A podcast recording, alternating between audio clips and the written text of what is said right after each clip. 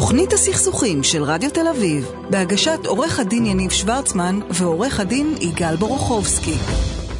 תוכנית הסכסוכים, אני יניב שוורצמן, יגאל בורוכובסקי, ערב טוב, מה נשמע? שלום יניב, מה שלומך? וואי, איך אני שומע אותך חזק, אני אלמיך פה.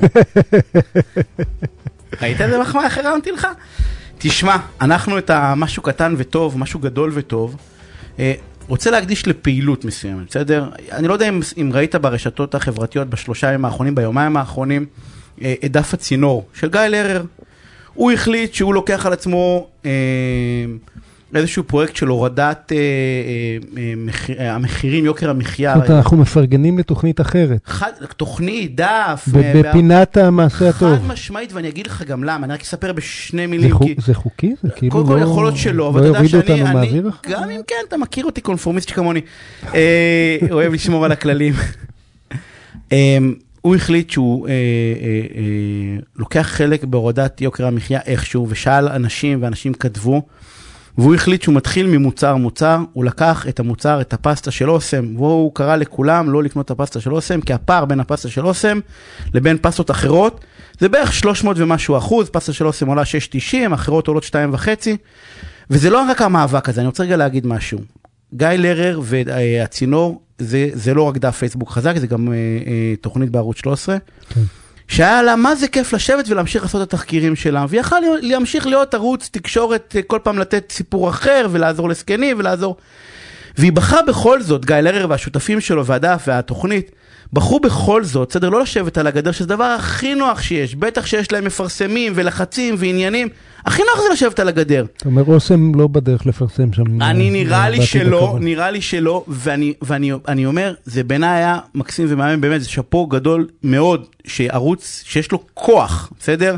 דף אה, פייסבוק שיש לו המון, יש לו מיליון ומשהו לייקים, אה, אה, עוקבים.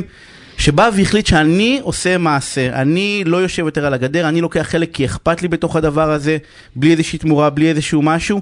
הלוואי, בסדר, אנחנו כל פעם דוחפים שאנשים יעשו טוב, הלוואי ועוד. גופים חזקים, אנשים חזקים, שיש, יכולים להשפיע על דעת הקהל, כי תמיד אומנים אומרים שלמה הם לא מדברים על פוליטיקה ולא מתערבים, כי הם לא רוצים שלא יזמינו אותם להופעות ושייפגע, אני אומר, לא, זאת הטעות הכי גדולה. יש לך כוח, יש לך השפעה, תבחר משהו שבעיניך הוא טוב, לא משנה מה, תבחר משהו שבעיניך הוא צודק, אל תהיה מייקל ג'ורדן, תהיה לברון ג'יימס. אתה יודע משהו? לגמרי. ת- ת- ת- אם יש לך כוח, תשפיע. אז שאפו גדול. אה, אני, אני, אני, אני בגדול בעד, אני חושב שמה שיגן עלינו מפני מחירים גבוהים זה לא רגולציה, זה לא עוד אה, ניסיון לפיקוח על פיקוח על פיקוח, אה, משא ומתן בין אנשי עסקים גדולים ל... לנבחרי ציבור, מה שיגן עלינו זה אנחנו. אם אנחנו נהיה מיודעים, נשווה, ננסה לעשות את הדבר הנכון כקולקטיב וכפרטים, אז אה, בסוף יהיה אז כאן זה מה יותר שהוא טוב. עושה, כן. ובעיניי הדרך היא אה, מהממת. אז אה, הנה שאפו גדול, ואנחנו מתחילים. תוכנית הסכסוכים של רדיו תל אביב, בהגשת עורך הדין יניב שוורצמן ועורך הדין יגאל בורוכובסקי. ואני רוצה להגיד תודה למי שנמצאת על התפעול הטכני, קרול- קרולין, קרולינה אבייב, ולטל שפכלר שעורכת ומפיקה, תודה רבה טל, ולהגיד ערב טוב לעורך דין מנשה כהן, נשיא המוסד הישראלי לבוררות עסקי, דוקטורנט במשפטים ומרצה בקריה האקדמית אונו. אה, מנשה, ערב טוב, מה העניינים? ערב מצוין, מה שלומכם? מנשה, תסיים כבר את הדוקטורט, אנחנו כאילו עוקבים אחריך, דוקטורנט, כבר שלושה חודשים, השנה אני קדימה. אה, אני כן. רוצה להגיד השנה משהו, אל תבטיח. אל על תבטיח. מה, על מה, על- לפחות מה שתלוי בי, אז מה. הנושא? מה... בוררות? קודם כל יפה, אבל אל, אל תבטיח, יצא לי לדבר גם בדיוק עם גלעד, שגם הוא עושה דוקטורט, וזה עבודה נוראית. נוראית. נוראית, נוראית. לא, אין זה טוב שאתה פנוי רק לזה, אבל כשיש. לך עוד אלף ואחד דברים, זה אתה לא פנוי פשוט רק בכלל. לזה, זה כן. פריבילגיה. אשתי השנה זאת השנה השביעית שהיא השנה מסיימת. אה, אז, אז כולנו באותה אז לא סירה. סתם שאלת. תשמע, אנחנו הולכים לדבר אה, על הקשר, תראה, אנחנו כל הזמן מדברים על בוררות, ולמה למה בוררות זה דבר טוב, ואנחנו מפרגנים, ואנחנו הולכים, ואני מעת לעת, למרות שאני, זה, אני משתכנע ש... אה, שבמקרים מסוימים... אה, למה אה, אתה רבים- נאנח? למה אתה נאנח? תגיד, טעיתי, טעיתי, למדתי כאן משהו. מאנשים יותר חכמים, ועכשיו אני... אה, ובכל זאת, יש איזשהו, אה, אה, יש איזשהם מגבלות להליך הבוררות, נכון? כאילו שלפעמים יש איזושהי מערכת יחסים בין ההליך הבוררות לבית משפט, ש- שזה לא מוחלט, זה לא נתק מוחלט, נכון? זה נכון, האמת שכשתמיד אומרים בוררות, אז אומרים, זה הליך חלופי לבית המשפט. כלומר, אני לא רוצה בית משפט, אני הולך לבוררות, ואז זה כמו קווים מקבילים, ולימדו אותנו במתמטיקה שקווים מקבילים לא נפגשים לעולם. אבל בפועל, בפרקטיקה, עולה צורך לעשות שימוש בבית משפט. עכשיו תגידו, למה? אם בחרתי בוררות, למה אני צריך בית משפט בכלל? עכשיו, לפעמים יש סיטואציות, צריך לזכור קודם כל להבין שבוררות זה חוזה. ברגע שמבינים שבוררות זה חוזה, מבינים הרבה דברים. אז חוזה יש לו צדדים מאוד טובים, שאנחנו יכולים לייצב את החוזה כרצוננו, יכולים לבחור איזה בורר אנחנו רוצים, האם איזה דין יחול, האם יהיה ערעור, לא יהיה ערעור, אנחנו יכולים לייצב את הליך הבוררות כרצוננו וזה נהדר. אבל ברגע שמדובר בחוזה, חוזה מחייב את הצדדים לחוזה ואותם בלבד. ולפעמים אנחנו צריכים בהליך גם צדדים שלישיים. ניתן דוגמה קטנה. נניח שאחד הצדדים רוצה עכשיו להביא עד קריטי, עד חשוב שהוא בכלל צד שלישי, הוא לא, צד ל... הוא לא אחד הצדדים בהליך. והבורר, והם מזמינים אותו, והוא לא מגיע. והבורר אומר לו תגיע, והוא לא מגיע. עכשיו אם זה היה בית משפט, לא הייתה בעיה, צו של בית משפט הוא חייב לציית. אבל איזה כוח יש לבורר על צדדים שלישיים? הכוח של הבורר הוא רק על מי שנתן לו את הכוח, ומי נתן לבורר את הכוח? הצדדים לחוזה, להסכם הבוררות, שהם אלה שניצים עכשיו, לא העד. ואז אין מנוס, אלא מלפנות לבית המשפט. וחוק הבורות בסעיף 16 מדבר על סמכויות עזר של בית המשפט. מה זה סמכויות עזר? שבית המשפט עוזר לבורר לקיים את הליך הבוררות. ואז בורר, או אפילו אחד הצדדים, יכולים לפנות לבית משפט ולהגיד, תראו את העד הזה, אנחנו חייבים אותו, עד חיוני במשפט. הבורר צריך להגיע לחקר האמת. בבקשה תוציא צו כדי לזמן את העד להליך הבוררות. ובית המשפט יעזור לבורר ולהליך הבוררות ויוציא צו. הבורר יכול להוציא, הבורר יכול לפנות הוא לבית משפט? הבורר יכול לפנות ואז לבית גם הצ- הבורר וגם ואז הצדדים, אבל הצדדים הם הצדדים כאילו, נניח... ה- כן, כן? כן. בהחלט, אני אתן- עוד דוגמה אפילו, דוגמה קלאסית. הדוגמה, רק, רק כדי לשים את זה בפרופורציה, הדוגמה שמנשה נתן היא באמת הדוגמה המובהקת, אה, זימון עדים. אה, הבעיה היא דווקא לא התוקף החוקי, התוקף החוקי של הנחיות בורר הם כתוקף של צו בית משפט, אבל המשטרה צריכה את בית, או ההוצאה לפועל צריכים את בית משפט לפני, אה, הם לא עושים מה שהבורר אומר. אבל אני כן אגיד, ומעניין אותי מה הניסיון שלך, שזה בעצם לא קרה לי אף פעם. כלומר, כל עד שהזמנתי, למרות המון בוררויות, הגיע. כולל עדים מהמדינה, כולל צדדים שלישיים, כולל... בעצם לא, אז, אז זה לא שאתה הולך לבוררות וכל פעם תלוי בבית משפט, זה אה, מקרים מאוד נדירים. קודם כל זה נכון. אני חייב לומר שהיו אלפי תיקים עד עכשיו במוסד לבוררות עסקית. המספר התיקים שנדרשו בבית משפט הוא באמת מספר לדעתי המעטת, אני תיקים, חושב שהיו יותר. ו- כן, זה באמת תיקים ספורים. רוב התיקים, אנחנו לא צריכים את בית המשפט, אנחנו מנהלים את הליך הבוררות בלי בית משפט, אבל לפעמים זה נדרש. אני אתן עוד דוגמה קלאסית, שזה, ששוב, בורר צריך לחייב צד שלישי שאין לו סמכות עליו. למשל, בתיק רגיל, שאני נגיד תובע, ואני רוצה לעכל נכסים של הנתבע, אני יכול לבקש צו עיקול, ואז אותו אה, בית משפט יכול לבוא ולהורות על עיקול כספים בחשבון הבנק, על עיקול הרכב במשרד הרישוי, על עיקול הנכס מקרקעין בטאבו. עכשיו, גם הבנק, גם משרד הרישוי וגם הטאבו, הם צדדים שלישיים, לבורר אין סמכות עליהם. אז גם אם אני כבורר רוצה להוציא עיקול ובאמת מגיע לאותו תובע עיקול, אני לא יכול. גם כאן ואז- אני, אני אגיד, אה, יש מחלוקת משפטית בפסיקה אם, אם בגלל שהבורר לא יכול להקל פיזית, עדיף שהוא לא ידון בזה בכלל, ויפנה מיד לבית משפט, או שעדיף שהבורר יכריע, ואז בית משפט, ואז המשפט. יבקש מבית המשפט ל, אה, ל, לסייע לו לאכוף את ההחלטה. אני, אני, אני עם אלה שאומרים עדיף שהבורר יכריע, הרי הוא מכיר את הסכסוך, עכשיו להפיל על בית משפט. לא רק מכיר, אה, הרי כן. באת אליו כדי. כדי לגמור מהר, כי אתה רוצה בדיוק, לקדם, אחר אתה אה, שולח את זה וזה עוד שש שנים בבית משפט. מה עוד חוץ מעזר? מה? אז למעשה, בית המשפט מלווה את הליך הבוררות מ- מההתחלה, אפילו עוד לפני שנפתח הליך הבוררות, דרך הליך הבוררות ואפילו בסופו. בואו נדבר על לפני, מתי יכול להיות לפני דבר כזה? למשל, שלא כתבנו מסכימים. בחוזה, נכון, כתבנו בחוזה, כל סכסוך בנוגע לחוזה נלך לבוררות. נהדר, נשמע מדהים. אז מה? אז כתבנו. התראה הגורל והגענו לסכסוך. ועכשיו אני מציע עכשיו לצד צד השני... אחד רוצה לעכב, והצד מהצד השני... בוא, בוא כן. נלך, בוא נלך לבוררות. הוא אומר, טוב, בסדר, אה, נו, עזוב מה הוא אותי. יגיד? אז הוא אומר, טוב, אני מציע את הבורר הזה, אז מה הוא אומר? לא, לא, הבורר הזה אני לא רוצה. מה עם הבוררת הזאת? לא, זאת אני לא רוצה בכלל. ומה עם זה? וככה חולפים להם שבועות. ואז אני אומר, רגע, אני רואה צד השני מורח אותי, הוא בכלל לא רוצה את ההליך, ברור שהוא רוצה להרוויח זמן. בלית ברירה, כי אני לא אצליח לעולם להגיע איתו להסכמה, אני נאלץ. למי אני אפנה? אני לא יכול לפנות לבורר, כי לא סיכמנו, למשל, מוסד בוררות שימנה בורר. ואמרנו בוררות. בלית ברירה אני צריך לפנות לבית משפט. ואז אני פונה לבית המשפט, ואז בית המשפט מתחיל דיון וממנה לי בורר, כי לפי החוק, סעיף 8 לחוק הבוררות, מותר לו למנות בורר, כי הצדדים הסכימו על בוררות, רק הצד זה השני מנסה זה למרוח. הליכים מהירים או שזה עוד פעם גם שם אה, הליכים? מרחנו חודשים רבים, יחסית- בחודשים האלה יכולנו מזמן, לסיים את אם. היינו כותבים, למשל, מוסד לבוררות עסקית, היינו כבר מזמן כבר עם פסק בוררות. או כותבים ועוד אה, לא התחלנו. שם של בורר, כמו ש- שמנשה ועוד. לא התחלנו אפילו, ועוד לא התחלנו. וזה באמת הרציונל של בית משפט שעוזר לקיים את הליך הבוררות. אפרופו מה, מה שדיברנו ככה לפני שהתחילה התוכנית, ובית משפט על החודשים האלה לא פוסק הוצאות ריאליות. ניחא אם בית משפט אחרי חודשים של דיון באיזה בורר, והיה משתכנע שצד אחד סתם מורח, ואומר, אוקיי, 100 אלף שקל, 200 אלף שקל, חצי מיליון שקל, יכול להיות לפעמים סכסוך של עשרות מיליונים שיתעכב חודשים, זה שווה מיליונים. אבל בית משפט אה, לא רק בית משפט, רחמן. אף אחד- אה, כולם כן. רחמנים. כן. היה לנו דיון שכולם רחמנים בסוף.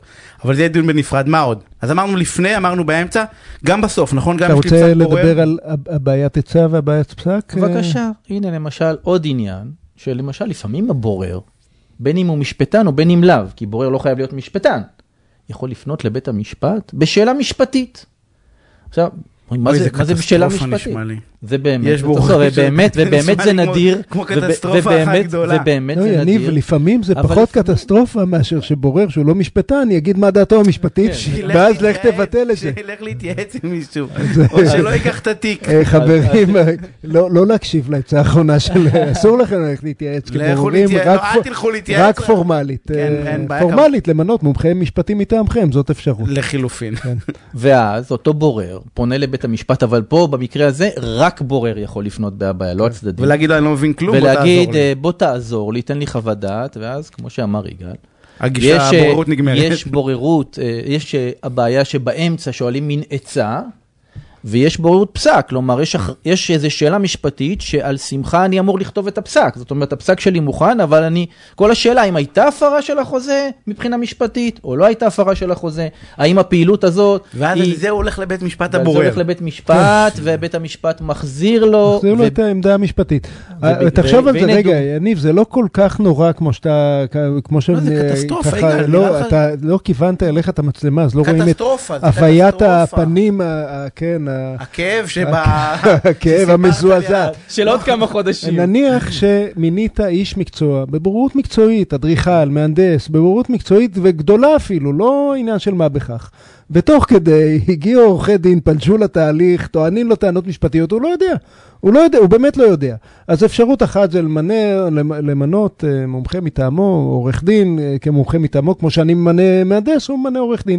אפשרות שנייה זה לנהל את הבוררות כהבנתו, בסוף להגיד לבית משפט, תראה, זה מה שהם טענו, זה מה שהם טענו, תגיד לי משפטית, מה יהיה לעניין הליקויים, כמה ברזל שמו או לא שמו, אני אני כבר אפסוק. יודע לבד. אני אפסוק, כן. אבל אה, משפטית, תגיד, בורר פעם, אה, בורר מהנדס, פעם מינה אותי כמומחה מטעמו, שזה האם... נשמע הגיוני. האם, כמומחה משפטי. כמומחה משפטי מטעמו, אה, האם אה, אה, יש בסיס לטענת הרמת מסך או לא? אני לא יודע, לא מבין בזה, לא יודע כלום. תגיד לי, מסבירים לי צד אחד, העורך דין אומר, ברור הרמת מסך, העורך דין השני אומר, אין, זה שוב, זה חריג של חריג, אנחנו אפילו לא מתקרבים לעמוד. אז הפכו אותך לבית? משפט, שייתן כן, הבעיה. נתתי- כן. שזה נתתי דרך אגב חוות יותר דעת. הגיוני מאשר ללכת לבית משפט. אני לא יודע הגיוני או לא, נתתי חוות דעת, הצד שאמר אה, לא הרמת מסך אה, פשט רגל בהזדמנות, וככה נגמרה הבוררות. אנחנו אה, זו אחת. הסיבות שאני, שבמוסד לבוררות, אני ממנה רק משפטנים. כדי לא להגיע לסיטואציה הזאת, ואם יש משהו הנדסי, אז אני ממנה בורר מהנדס יחד עם בורר משפטן. ומה קורה אם הם לא. מסכימים? לא לא אה, קרה בדרך לך כלל בטח. אז ממנים בורר שלישי שיעברו ביניהם אה, עורך דין רגע, מנשה זאת כהן, אחת האפשרויות, זבלה וזבלה. אה, כן. ברור לגמרי, ואז שם אני מקווה שזה רק לחברות ענק ולא שטו רגל. נכון. עורך דין מנשה כהן, נשיא המוסד הישראלי לבריאות עסקית, תודה רבה על הפינה המעניינת, אה, הפסקת פרסומות וכוח חוזר. תוכנית הסכסוכים של רדיו תל אביב, בהגשת עורך הדין יניב שוורצמן ועורך הדין יגאל בורוכובסקי. וחזרנו, אה, ואני רוצה להגיד ערב טוב לעורך חשבון שלומי כהן, משרד כהן ראיית החשבון ומייסד שותף במשרד אביבי כהן, הנהלת חשבונות שלומי, ערב טוב, מה העניינים? ערב טוב, מה שלומכם? אתה כתבת לנו בליינאפ, בפינה של שלומי הכה את המומחה, תגיד, נכון. לא, לא, לא מספיק אני... זה אה, ממש מפחיד אותי זה לא- המשפט הזה. הקטע? התחלנו ואני כבר חרד מהפינה. לא, לא, אוקיי. לא מספיק אני מתעלל בשלומי בשבועות האחרונים, אה, הוא עף עליך, אבל אתה כבר למדת להעמיד אותו במקום. כשצריך, לגמרי. תשמע, אנחנו הולכים אה, לדבר... להכות את את האם. עלה? אם עלה, תביא את הרשימת אה, וואי שלו וואי, שלך, הוא תודה לוקח רבה. לי את הרשימה. אין לך מה, אתה כתבת רק, אה, רק אה, נושאים. אנחנו הולכים לעשות נושאים קצרים, שנוגעים להרבה מאוד אנשים, כל אחד בזה שלו, אבל בשניים שלושה משפטים, לא, לח- לא כאילו... באמת, אה, אנחנו לא, רק על הנושא הראשון של שכירות אפשר לדבר. אה, שבע בוא בוא שעות. נתחיל ממנו. שכירות נכס, מה צריך לעשות, שלומי? אז ככה, אם- קודם כל, כל לא, אם הרעיון, אני משכיר, כן, לא שוכר. אם אני שוכר, צריך לשלם בזמן, כן? זה אה, ברור. תלוי את מי שואלים. כל הרעיון של הפינה זה בעצם, עצמאים תמיד אה, נפגשים עם מס הכנסה. הרואה חשבון מלווה אותם ועוזר להם ואומר להם מה לעשות. אז ה- הרציונל של הפינה זה בעצם להסביר לאנשים שהם שכירים, שהם פחות מתעסקים מול מס הכנסה, באיזה נקודות מפגש הם פוגשים את מס הכנסה. אז כשאנחנו מדברים על... על אה, פוגשים בטוב או ברע, כאילו. בעיקר ברע, לא, בעיקר כן, ברע. שייפגשו, אין- אין כאילו, בטוב. שידעו. אתה יודע שהשבוע מס הכנסה שלח לי צ'ק. צ'ק? צ'ק, לא. אה, אמרתי, מה זה? אתה יודע למה? הוא בדרך כלל מעביר... כסף. 2019 למה? משהו, אתה יודע כן, למה? היה. מה, למה? איך אתה יודע באיזה מקום אתה במעמד הסוציו-אקונומי? עשירים מקבלים זה כסף. לא, זה. לא, זה לא זה, אה, יניב, זה אתה... לא נכון, שלומי, לא ברור. נכון. בבקשה, בבקשה. אבל נראה לי. זה עוקץ, לא כי שלומי, מס הכנסה לא שולח צ'קים, הוא מעביר ישר לחשבון בנק. אל תתחבר לא לאווירה הפופוליסטית כאן שיניב מנסה להנחיל בתוכנית. אתה לא מכיר את זה, שלומי. ההבדל הוא בין אה, אה, אנשים מתוחכמים לחננות, זה הספקטרום. אני חננת על, כנראה שילמתי יותר מדי מקדמות, אז אחרי שלוש שנים מס הכנסה החזיר לי קצת. השכרת נכס, קדימה. אז ככה, אז מי שמשכיר נכס צריך לזכור שהוא צריך לשלם מס עבור הנכס, במקרה וזה עבר את הפטור אה, בחוק, שזה בערך הפטור? 5,100 שקלים. עכשיו, אם הוא לא רוצה להתעסק עם רואי חשבון ודוחות ועניינים, פעם בשנה הוא הולך למס הכנסה, משאיר צ'ק של 10% על הנכס, וסוגר את כל הפינה. מאיזה רגע, מחיר אבל? רגע, מה- רגע, מה- אז הנה, אתה. ידעתי, ידעתי ש... עוד פעם, נחזור על מה ששלומי אמר. עד 5,000, אה, 100 שקלים, ומשהו שקל, תישן בשקט. אתה לא צריך לשלם מס על שכירות. נכון. אגב, זה עיוות מס, זה, זה, זה לא טוב, אבל זה הכללים. אה, מעל 5,100 שקל, יש מסלול מקוצר, שלומי כרגע הסביר אותו, עד אה, סוף ינואר, נכון? ממש נכון, עכשיו. עד- היום, עד היום, היום, היום האחרון. האחרון, לשלם במסלול המקוצר על השנה הקודמת. נכון. עשרה אחוז מדמי השכירות שקיבלת. עכשיו, רק נסביר שבמסלול הזה אין קיזוז הוצאות. כלומר, אם אה, שילמת על ביוב, החלפת את המטבח, עדיין עשרה אחוז, אה, ומה המסלול הארוך? אז אם זה זה, הקצר? זה פינה שלמה, מסלול ארוך זה הכרה בהוצאות, והמס על הרווח שנותר לך בסוף הדרך זה 31% מס. ויש עוד מסלול, 31 אחוז, זאת אומרת, לא המס השולי שלך, אה, מינימום 31%. מינימום הכנסה 31 פסיבית. ומקסימום אה, המס השולי? נכון. הבנתי. ויש עוד מסלול רגע, של... 10% מהכל, נניח אם אני משכיר ב-7,000, זה על כל ה-7,000 או על הפער של ה-2,000? על כל ה-7,000. על כל ה-7,000. ויש דבר כזה שנקרא פטור חלקי. יש משהו, יש איזושהי נוסחה שעד בערך 6,800 שקלים, אתה יכול לשלם טיפה פחות מ-10 אחוזים. לדוגמה, 6 אחוזים. אה. זה, זה פטור משוקלל, זה כאילו, אה, אם עברת את ה-5,000 ל-5,600, אז עושים איזשהו חישוב, אז ה-1,200 אה, לא פטור, וה... אה, אז אפשר ההפרש כן לשלם קצת ואז- פחות מעשרה אחוז. נכון, אה, אבל עד. עד 10 אחוזים. יפה, הזכרנו, הבא בתור. רגע, רגע, לפני הבא בתור, חשוב ש... יש פה 12 נושאים. אה, לא, אה, אה, תכה, תכה, חשוב, תכה. סיבכנו הרבה, חשוב להסביר שלרובם המכריע של האנשים, או פטור או עשרה אחוז. נכון. שלא יסתבכו עם המסלול נכון, השלישי. נכון. אולי יוצא קצת יותר מדויק, אבל אה, יוצא יותר כסף, יותר מסובך. נכון, עכשיו אה, רגע, השדרוג של זה, זה נכס מסחרי. נכס מסחרי, אתה מחויב ל- אה, לבקש מרואה חשבון שיגיש לך את הדוח פעם בשנה. רגע, מה זאת אומרת, אם נניח אני החלטתי סתם להשקיע במשרד נכס לחנות, בראשון מסחרי, לציון. מחויב. שנייה, רגע, אמרו לי שיש עסקה. טובה, אז אני חייב רואה חשבון? כן, נכון, כן, כי כן. המס שם זה 31 אחוז, אלא אם כן עברת את גיל 60. וגם אין, אה, כל המסלול המקוצר והפטור וזה, זה רק לא דירות קיים, מגורים. נכון. זה נכס מסחרי, רואה חשבון. אז נכס. מסחרי לא משנה, סתם זה אפילו נקודה. להשקעה קטנה נכס. מסחרי, שלומי לא- כהן. לא- כן, אוקיי, הנה כן, יפה. בא בתור, עסקת אקראי.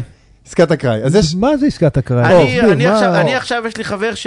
לא, לא, רגע, זה לא בעברית, זה במיסויית, זה. במיסויית. מה זה עסקת אני אקראי? בכוונה רץ אוקיי. על דברים מעניינים. כן. אז. אה, מצוין. אז בעצם יש, יש דבר כזה שאתה פותח תיק ואתה עצמאי, ואז אתה מדווח למס הכנסה, וכולם יודעים שאתה עצמאי והכל טוב ויפה. אבל יש דבר כזה שבמהלך חייך עשית איזשהו, אה, לדוגמה, עסקת תיווך. חיברת בין אה, קונה למוכר, לא בהכרח דירות, כי אסור לך, אבל... אה, חד פעמית מותר. מה, לא, לא, אבל עשית איזשהו תיווך ואתה רוצה לקבל עמלה על איזשהו משהו.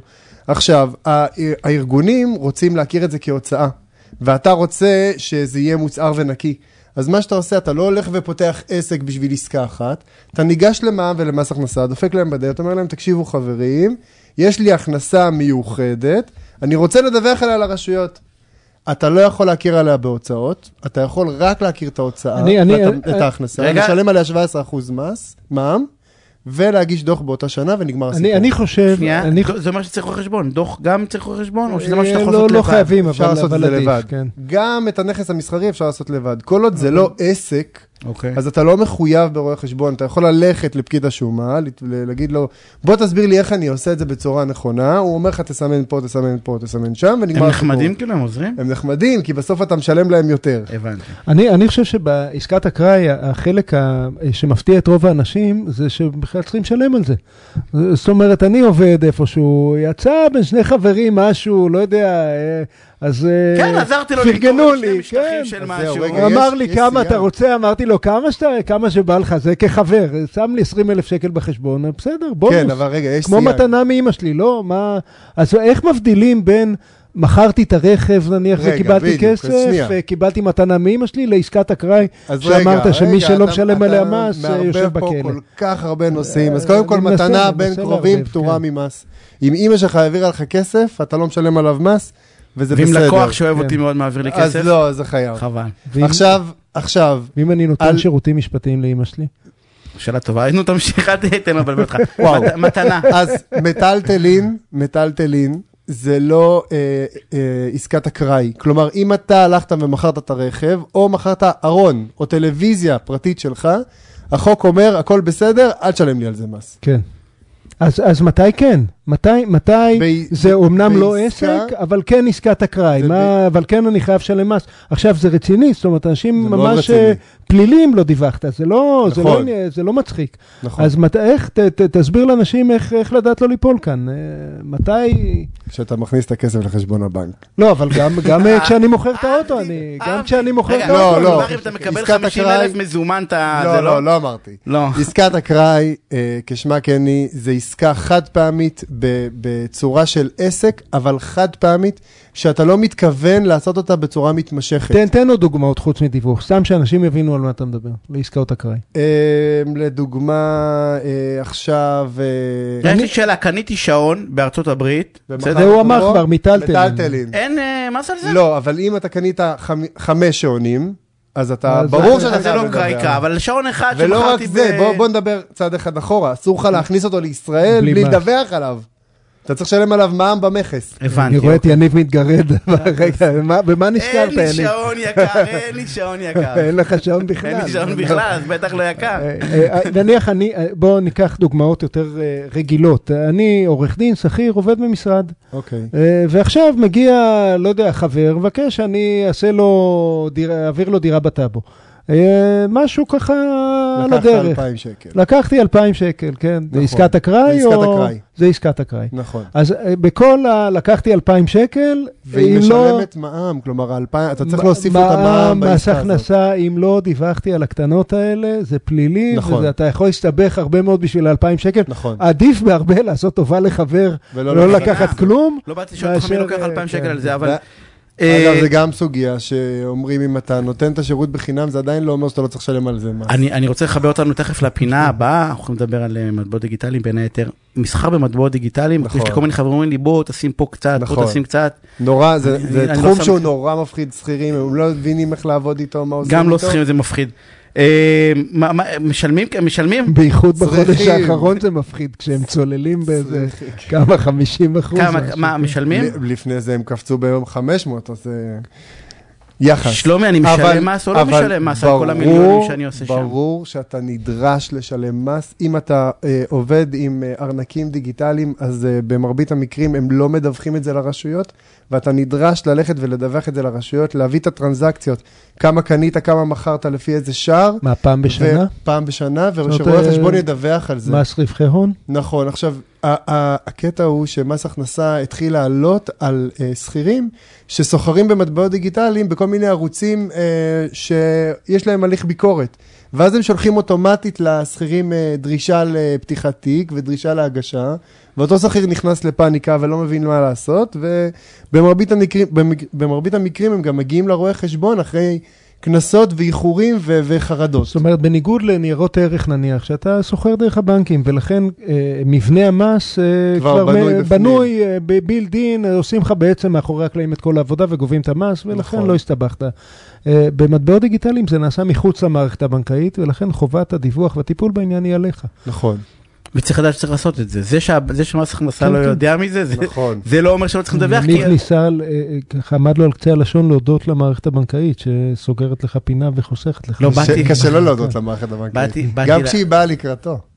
מה זה בא לקראתי, תודה רבה. עכשיו, אה, גם אני- לגבי אני מסחר להגיד תודה רבה לבורא עולם ולמערכת הבנקאית. גם כן. לגבי מסחר בבורסה, שהיא לא דרך הבנקים, צריך לדווח עליה לרשויות. כלומר, לא, יש ברוקרים עצמאיים. זה כמעט... למה? יש ברוקר- ברוקרים עצמאיים בחו"ל, בעיקר בחו"ל. זאת אומרת, רוב הברוקרים בארץ עובדים דרך חשבון הבנק שלך, ואז אין בעיה, נכון. אבל אם ברוקר בחו"ל, יש לי עוד שאלה אחת, ממש. קטנה, רווחים. מחו"ל, יש שכירות ב- באוקראינה וברומניה ובהונגריה, אני משלם, משלמים על קודם זה כל, מס? מחויב. אוקראינה, רומניה, אין שכירות, לא שילמו לך. לא משנה. בוא- נחליף. לאטלנטה, כן, אטלנטה, לא, אטלנטה. ארצות הברית לא רציתי. לא הבנתי, למה אין שכירות ב... יש, יש. לא, שכירות, יש זה שכירות. בדרחמות, לא יודע. משלמים לך. כן, אני צריך לדווח על זה? חד משמעית אבל לא יודעים על זה, זה. בארצות הברית. זה- ברומניה, אז איפה. איפה הכסף? ואני של חשבון בנק שם, יגאל. ומה תעשה איתו? נשמור שם, אני אסע, ו- נוציא ביורו, שנטייל אז באירופה. קודם כל, במס הכנסה, זה- יש... זה המדריך למעלים המס המתחיל. חלילה? רגע, אני לא. פתחת לא, פינה כאן? אני, אני לא. קצת יפחיד פה, אני קצת יפחיד. ויש איזשהו חוק, אה, אולי נסתר קל במס הכנסה, שאומר שאם אתה לא מדווח על ההכנסות ועל הנכס שרכשת בחו"ל, המדינה יכולה להלאים לך אותו, לקחת לך אותו. אז מאוד כדאי שכן המדינה תדווח. הסוציאליסטית שלנו תלאים לי דברים? היא רשאית לקחת אותו. הבנתי. עכשיו, לדווח פה, אין, זה אה, פשוט. אה, יניב, אנחנו בואי, חייבים לסיים, אם, זה לא. ברור לך עדיין, אחרי עשר שנים של פתקה ושל אה, קנסות למערכת הבנקאית, אם זה לא ברור לך, כשהפקדת בחשבון הבנק, רשויות המס אני- יודעות על זה, זה אני- לא, אז כדאי שתדווח על זה. ברומניה. לא. אני רוצה להודות אה. כן, לרואה חשבון שלומי כהן, משרד הכהן ראיית חשבון, אה, מייסד אה, שותף משרד אביבי כהן ראיית חשבונות. תודה רבה שלומי. ואני רוצה, בוא תתחלף רגע, נכנסת... רגע.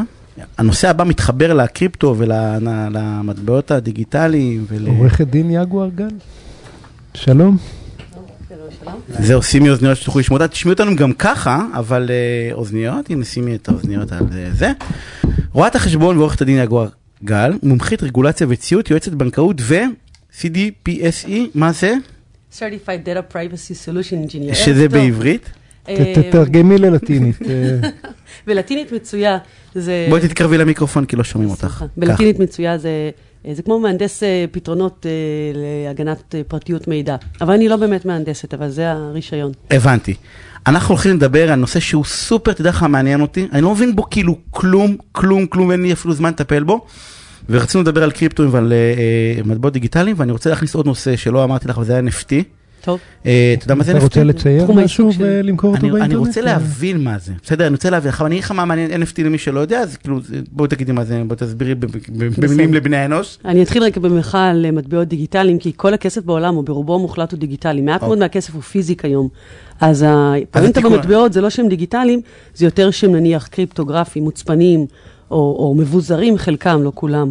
אז זה, זה הייחודיות שלהם, דיגיטלי זה לא... תחשוב, תחשוב לא על big deal. הכסף שלך, כמה מהכסף שלך יש לך במזומן, נכון. וכמה רשום באיזה ספרות איפשהו. נכון. כל מה שרשום זה הוא דיגיטלי. נכון מאוד, לכן העולם הוא דיגיטלי, אבל... אתה אה, רואה עד כמה אני עתיק? כמה בזה, הכל דיג... אה, זה נכון. אז קריפטואים? אז- אז זה קריפטו. ו-NFT זה בעצם ה... NFT, כמו שהרבה מאוד יודעים, הראשי תיבות הם Non-Fungible Token, שזה אומר מטבע קריפטוגרפי, שהוא ייחודי. אנשים אומרים חסר תחליף, חסר תחליף, חסר תחליף, אבל בעצם כל הפואנטה בו שהוא ייחודי. כלומר, מכל אחד שכזה, יש רק אחד יחיד ובודד, ואחד כזה שכזה, שהוא לא בר ערך החלפה לאף אחד אחר. כלומר, בניגוד לשטר של 100 שקל שהוא שווה ערך ל... 100 שקל דיגיטליים בבנק שלך, או ל-100 שקל בביט, או או, לכל שטר אחר כן. של 100 שקל, או למטבעות של כל אחד של שק- שקל או, או חמישה או עשרה שקלים, אה, ואז אפשר להחליף ביניהם, כי כולם שווים בעצם אותו הדבר. ה-NFTs הם בעצם כמו, תחשוב על זה כמו יצירת אומנות, או כמו, ניתן לך דוגמה מאוד משעשעת על ילדים.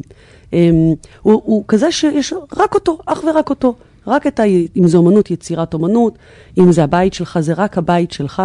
זאת אומרת, ניתן לך דוגמה. טכנולוגית באמת אי אפשר לזייף אותו? כאילו נראה לי שאת הילד שלי אי אפשר לזייף, כאילו אני. מקווה. אז אני הסברתי- אבל, אה, את אה, דיגיטלי, אז- מי לא יכול לזייף היום משהו? מה, ניתן את זה למוסד, לא יזייף? בוא ניתן לך דוגמה. שהסברתי מה זה NFT לבן שמונה שלי.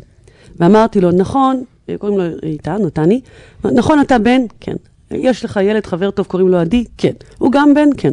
אתם שניכם רזים? רזים. אותו גובה? אותו גובה. נראים פלוס מינוס אותו דבר? כן. חמודים? חמודים. בכיתה ב', בכיתה ב'. תלוי בערך אותו, חמודים, תלוי כן, מתי, כן, כן, כן. תלוי באיזה שעה. אבל אמר, פלו, אתם בערך, בערך אותו דבר. תדמיין למשל, אם אני, יש לי ילד בן שמונה, ולאימא של עדי יש לה ילד בן שמונה, פלוס מינוס נראים אותו דבר, חמודים, חכמים, הכל אותו דבר. אתה חושב שאם אני אחליף אותך בעדי, אז אימא של עדי תהיה מרוצה שיש אותך, ואני אהיה מרוצה שיש את עדי? סך הכל עדי הוא ילד חמוד, מה יש לי להתלונן? ואתה מתוק, מה יש לאימא של עדי להתלונן? ואז הוא אומר, לא, מה פתאום? והסכמנו שזה ברור שכל אימא רוצה את הילד הספציפי שלה. אגב, אפילו. תנסי לנהל את השיחה הזאת עוד אה, כמה שנים, ותראי תראי אם התגובה לא משתנה. כן? ואז הילד אוקיי, יחליף את האימא. לא, בדיוק, כן. זה הבן 15 שלי ישקול. עד היום. לא הצליחו לזייף את הדברים האלה? לא, לא, אי אפשר זאב, זה אי אפשר זה לזייף את זה באמת כי זה טבוע על ברמות... המערכת. אה, זה זה טבוע על מערכת הבלוקצ'יין, סליחה, בדיוק, קטעתי זה אותך. ברמות, ב- ברמות אה, אה, הצפנה, צריך את כל האטומים ביקום כדי לפצח. אוקיי, אז עכשיו לא- אני רוצה לעבור. עד היום לא הצליחו. איך מנהלים סכסוך בדבר הזה? אני אני חושב על, אני אני בדיוק חושב על סכסוך שיש לנו ב- ב- נפלא. באיזה- באיזה סופר, באיזה בנק, רגע, באיזה שנייה, משהו, לפני באיזה- סכסוך. כאילו תבין רגע, תבין את- כזה? רגע איזה את שופט המוצר. בעולם יבין את הדבר הזה? תגיד לי, איזה שופט בעולם? רגע, בוא נשאל-? תכף, תכף כולנו נבין, אבל. אבל, אבל רגע, רגע לפני, תבין את הסיטואציה. אתה ציירת, נניח שיצא לך מונליזה, כן? יצא לך משהו סוף הדרך, אבל דיגיטלי. לא ציירת את זה באייפד שלך, ב... לא ציור שמן, ציירת באייפד. מה אתה עושה עם זה? אם אתה שולח את זה, שרון, ליגואר במייל, אז היא יכולה להפיץ את זה בכל העולם, אין כלום. נכון. אם אתה רוצה למכור את זה, איך אתה עושה? אז כאן עלו על טריק, אותי מדהים שזה עובד. אמרו, רגע, אנחנו לציור המדהים שעשית נצרף NFT, קוד כזה שכולם ידעו שהמקור הוא שלך, ועכשיו כל שאר העולם שמעתיק אותו, בסדר, מעתיק מעתיק, אבל המקור נמצא אצלך. תחשוב על זה כמו שלך. נאץ, תחשוב על זה זה- כמו נאץ שנועץ את זכויות הבעלות שלך על גבי מערכת הבלוקצ'יין, שהיא זאת שבלתי פריצה, זה לא ה-NFT הוא בלתי פריץ, אלא מערכת הבלוקצ'יין היא בלתי פריצה, או האיתריום, הבלוקצ'יין של האיתר, ונועצים בעצם את המקום, את הזמן, גם את הערך הכספי שבו יצקת את זה, את הבעלות שלך או את הזכויות שלך, אגב, זה לא חייב להיות רק זכויות בעלות. וישנו ויכוח, אני הגשתי אה, כזה פוסט למה שנקרא, לביקורת עמיתים, למאמר שאני אה, מתכננת להוציא, על ה-NFT, האם זה בכלל עוד זכות אחת מיני זכויות רבות אחרות שיש ביחס לנכסים.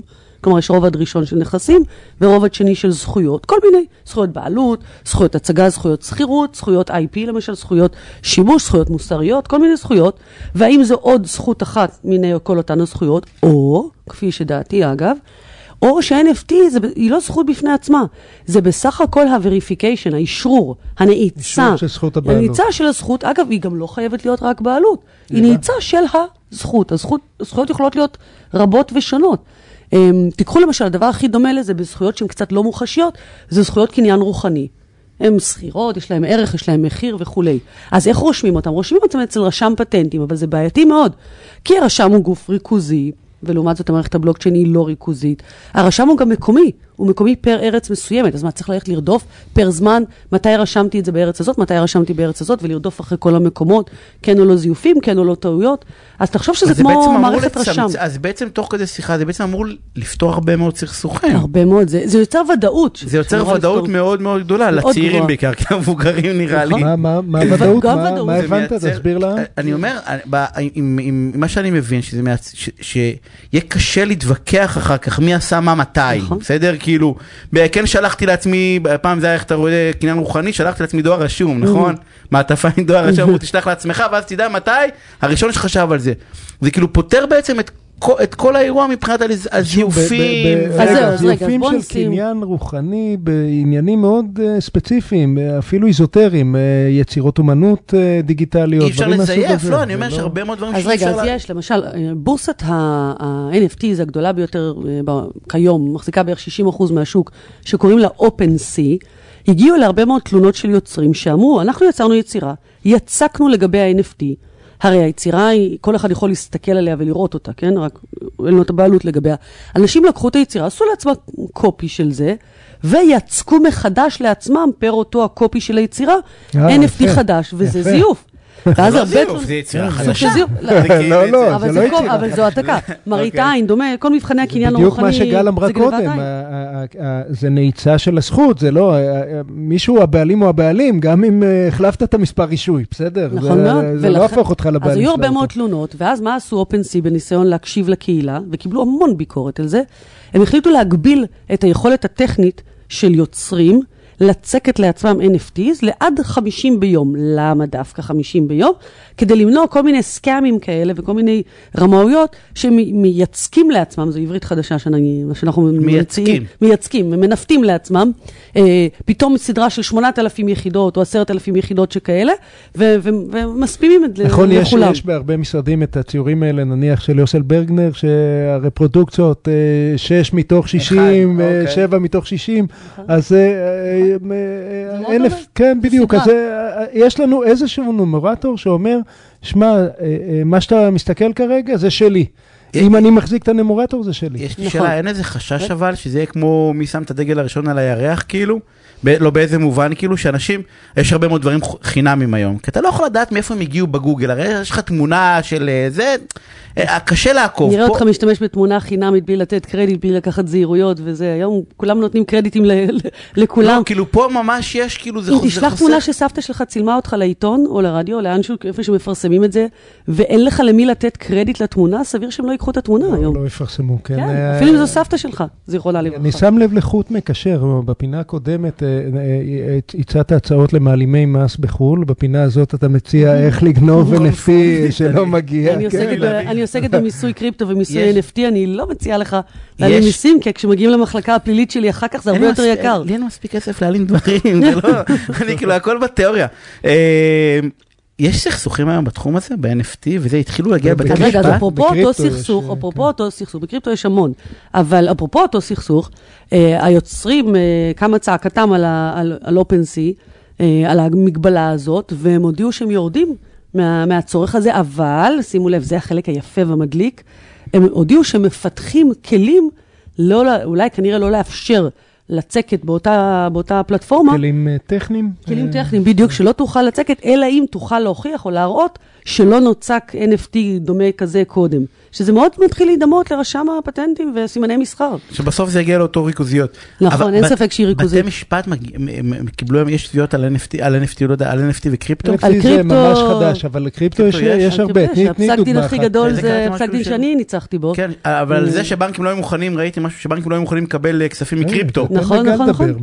זה- כן. ליגור. אה, יגואר. יגואר, יגואר. יגואר. תקשיב, יש לה שם מיוחד. אתמול, כן, היה לנו שיחה על זה. כן. אה, אז כן, זה פסק דין הרב נגד מרקנטיל שאני הצגתי בו וניצחתי את הבנקים במחוזי בתל אביב, אה, וזה די אילץ את הבנקים לקבל כספים, כספי תספרי פיאט בשתי מילים על פסק הדין. על ההכרעה, מה מסתכסכים ב- בעצם הרעיון של? הבנקים היה שמאחר ולא שווה להם לנהל את הסיכון על מאיפה הגיע הקריפטו שלך, ממי קנית אותו, למי מכרת אותו, ואם חלילה מכרת אותו... סיכון הלבנת הון, יכולים לבוא אליהם בטענות. ואם, אה, ואם חלילה מכרת אותו למלבין הון, סמים, טרור וטף בערך, אה, ולכן, מאחר והם לא יודעים לנהל את הסיכון הזה, הם פשוט קטגור, קטגורית, סקטוריאלית, לא היו מוכנים לקבל קריפ, פיאט שמקורו בקריפטו, פיאט זה כסף רגיל מדיני אה, של פעם, של לא הזקנים. היו מוכנים לתת כסף. אה, אמיתי ל- אה, אפילו לא בדיוק. להוציא כסף, שזה פגיעה בחופש הקניין לחלוטין. והטענה שלנו הם- הייתה, זה שיש לבחון את זה לגופו של עניין, לגופו של מקרה, לבקש הבהרות לפי נב"ת אה, 451 ו- ונב"תים הנדרשים,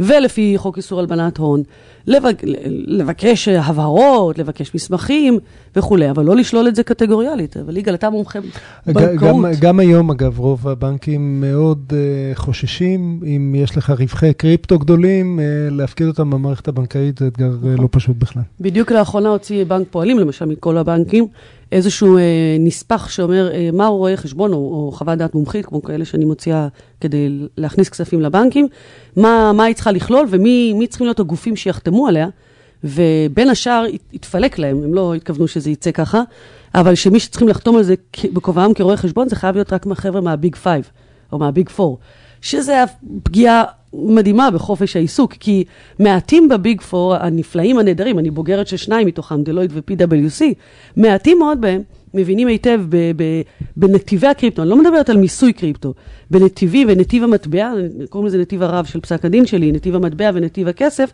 כדי לספק חוות דעת מומחה אנחנו בנושא הזה. חייבים לסיים. אנחנו אגב, אנחנו יגוע בוועדת. המטבעות קריפטוגרפיים בלשכת רואי חשבון נלחמים בהנחיה הזאת של בנק פועלים, רק שתדע. ואני מניח שתנצחו, כי זה נכון וצודק. עורך הדין אה, ורואת אנחנו החשבון. צודקים.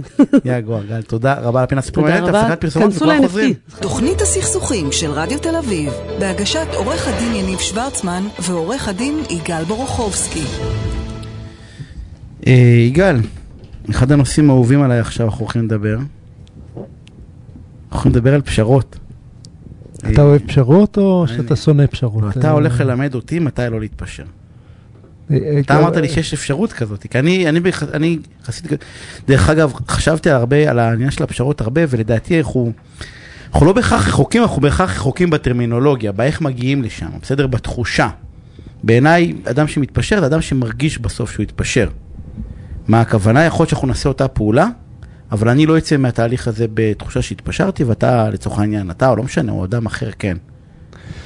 אה, אתה מבין אני- למה אני אני, אני, זה קצת אה, ככה, אולי גדול על הזמן שיש לנו, אבל אה, בן אדם, לפי פרופסור ברלין לדעתי, אמר אי שם לפני כמה עשרות שנים, שבן אדם ערכי שמחזיק אה, אה, כמה ערכים בו זמנית, מתפשר כל הזמן.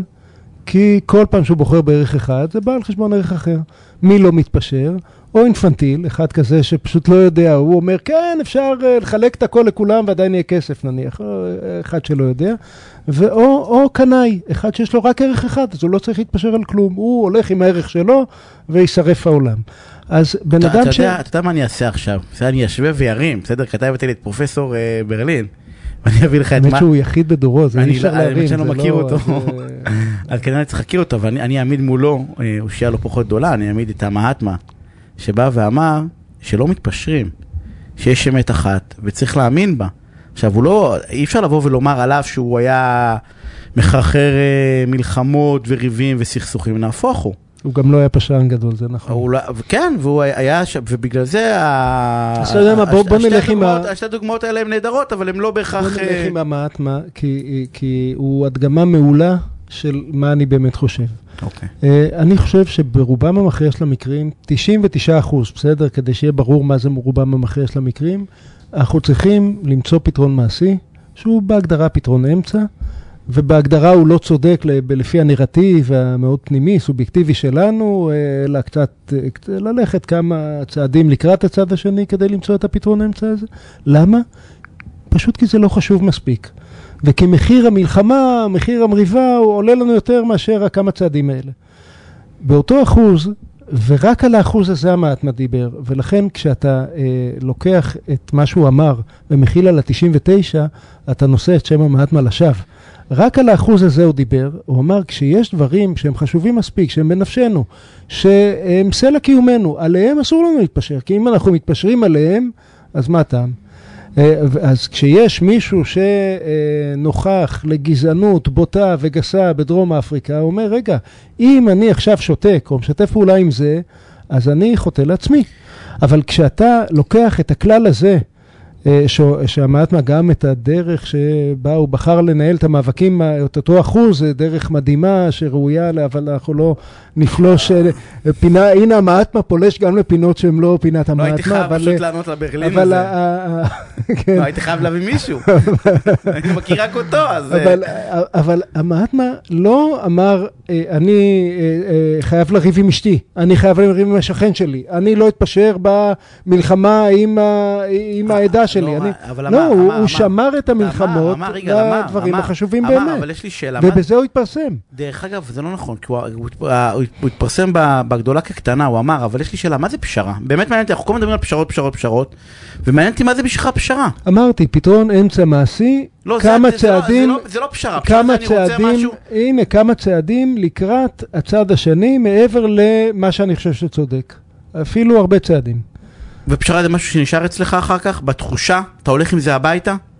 אה, אני קראתי לזה פעם גיבנת הפשרות, אני אני? חושב שאם אתה הולך עם זה הביתה, אז גש לפסיכולוג, ל- ל- ליוגה, לטאי צ'י. אני השבוע נרשמתי לוויפאסנה, זה, זה הקורס השנתי, מאוד משמח אותי. גש וטפל בעצמך. הגיבנת שאתה הולך איתה הביתה כבר לא קשורה לצד השני, קשורה לך ולהתעללות שאתה עושה בעצמך.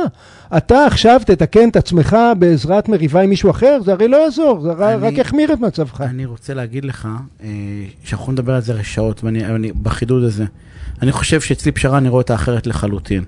אני רואה את זה אם אני בסוף הולך עם זה או לא הולך עם זה, מה הכוונה. אם אני מסוגל לעשות עם עצמי תהליך, דרך אגב, לא מסובך, אני עושה את זה כל הזמן. לבוא ולהגיד, זה הדבר הנכון לעשות, ובגלל זה אני לא מתפשר. כי הדבר הנכון לעשות, בסדר, לא, לא עולה לי. אני לא משלם על זה מחיר. פשרה בעיניי זה לשלם מחיר רגשי. כשאני אומר את המילה פשרה, בהקשר הוא תמיד יהיה שלילי. ואני אומר, אני לא מתפשר, בסדר? אם אני יושב איתך פה, לצורך העניין, למרות שאני חושב שאתה יותר יפה ממני וזה הורס לי אחרי זה בווידאו, אוקיי? אבל אני יושב, אני הולך הביתה, בסדר? אחרי שכל כך השקעתי ולהתלבש היום, הרמתי לך, ל outfit. ואני הולך הביתה וזה יושב עליי, אז לא טוב, אני אבוא ואני אריב אותך שתבוא לבוש אחרת כדי להבדיל אותך ממני. פשרה זה בעיניי, בסדר? זה בחירה לא טובה. לא טובה במובן הזה שאני הולך עם איזשהו פן שלילי ואחרי זה אני צריך לטפל בזה ויש לי. בין פשרות ואז אני מתגרש או לצילופין אני שנייה רגע אני מתחיל לכעוס על הבוס שלי או על השותף שלי. אני חושב ש- שאצלנו בסדר? הדרך להימנע מפשרות ובגלל זה אני אומר למה אני נגד פשרות? כי אני לא צריך פשרות. אני באותו רגע אעשה לי איזשהו שיח. או שזה הדבר הנכון לעשות, לצורך העניין, להגיע איתך להבנה אחרת אולי ממה שרציתי, כי אני לא הבנתי נכון, כי לא ראיתי את הדברים נכון, אנחנו חייבים שיש לנו 20 שניות, ואני מה זה רוצה... ב-20 שניות אני רק אגיד, אם אתה לא מסוגל לשרת, להחליט החלטה רציונלית, לשרת את האינטרסים שלך בגלל שאתה אה, לוקח מחיר רגשי, הדרך לטפל במחיר הרגשי הזה זה בעבודה עצמית ולא בשיח אני עם לא הצד מסכים השני. איתך, קרולינה אבייב, תודה רבה התפעול הטכני, לא תודה מסכים רבה. שעל מי שלך בפיקה. דני שדס אחרינו, תישארו, תהיה מוזיקה מעולה. אה, יגאל, תודה. תודה, יניב. תשמרו על עצמכם, לילה טוב.